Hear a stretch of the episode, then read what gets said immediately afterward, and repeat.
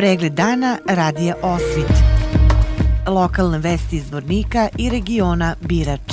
Pratite pregled dana za 7. decembar 2023. godine.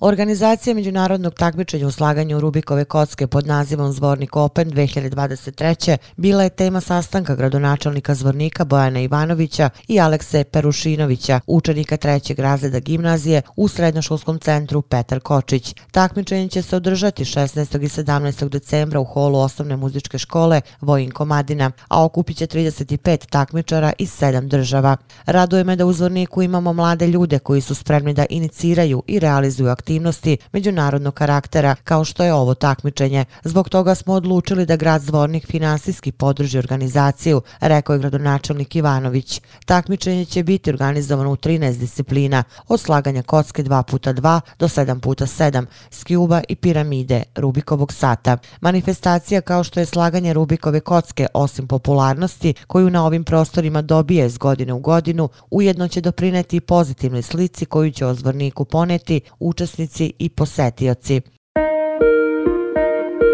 Zvorničke ulice su okićene novogodišnjom rasvetom koja je postavljena na ulice grada. Novogodišnji nakit je postavljen u Karadžorđevoj ulici od robne kuće do bolnice i doma zdravlja, a dve D kugle svoje mesto su našle na gradskom šetalištu. Novogodišnje dekoracije bit će postavljene u ulici Svetog Save od mosta kralja Aleksandra I. Karadžorđevića pa do kraja šetališta, kao i u Dečijem parkiću, delu ulica Patrijarha Pavla i trg kralja Petra I. Karadžorđevića. Zameni gradonačelnika Miloš Tomić. Gradska uprava Zvornik je od ponedjeljka pokrenula aktivnost kićenja grada povodom predstojećih novogodišnjih praznika. Znači, okićeno je šetalište, treba da se izvrši kićenje platoa kod muzičke škole, dječjeg parkića, prostora oko fontane. Uglavnom, to su ukrasi koji su korišteni i prethodne godine kada su nabavljeni. Inače, imamo u planu znači, još dodatnih ovaj, nabavki tih ukrasa i očekujemo da ćemo u narednih par dana da završimo kićenje grada.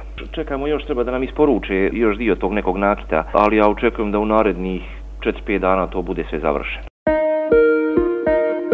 Na pogonu za proizvodnju fino precipitiranih hidrata u kompaniji Alumina godinama se već aktivno radi na uvećanju kapaciteta. Pune ruke posla radnici imaju i ovih dana. U ovoj godini realizuje se deo jednog od najznačajnijih projekata u koji je planirano da se investira oko 7 miliona maraka. Radi se nova linija fino precipitiranih hidrata kapaciteta 10.000 tona godišnje. Još jedna takva linija planirana je da se uradi do polovine naredne godine. Ovaj proizvod je trenutno najprofitabilniji naš proizvod proizvod otprilike u našoj toj karti proizvoda i njega razvijamo od 2016. godine i svake godine smo povećavali kapacitet. Krenuli smo sa 10.000 tona pa 20.000, a evo sada smo sa ovom novom linijom postigli 70.000 tona na nivou godine. Znači da imamo jedan profitabilan proizvod. Prodaje se na svim kontinentima, kaže Gordan Vuković, pomoćnik direktora za održavanje investicije u kompaniji Alumina.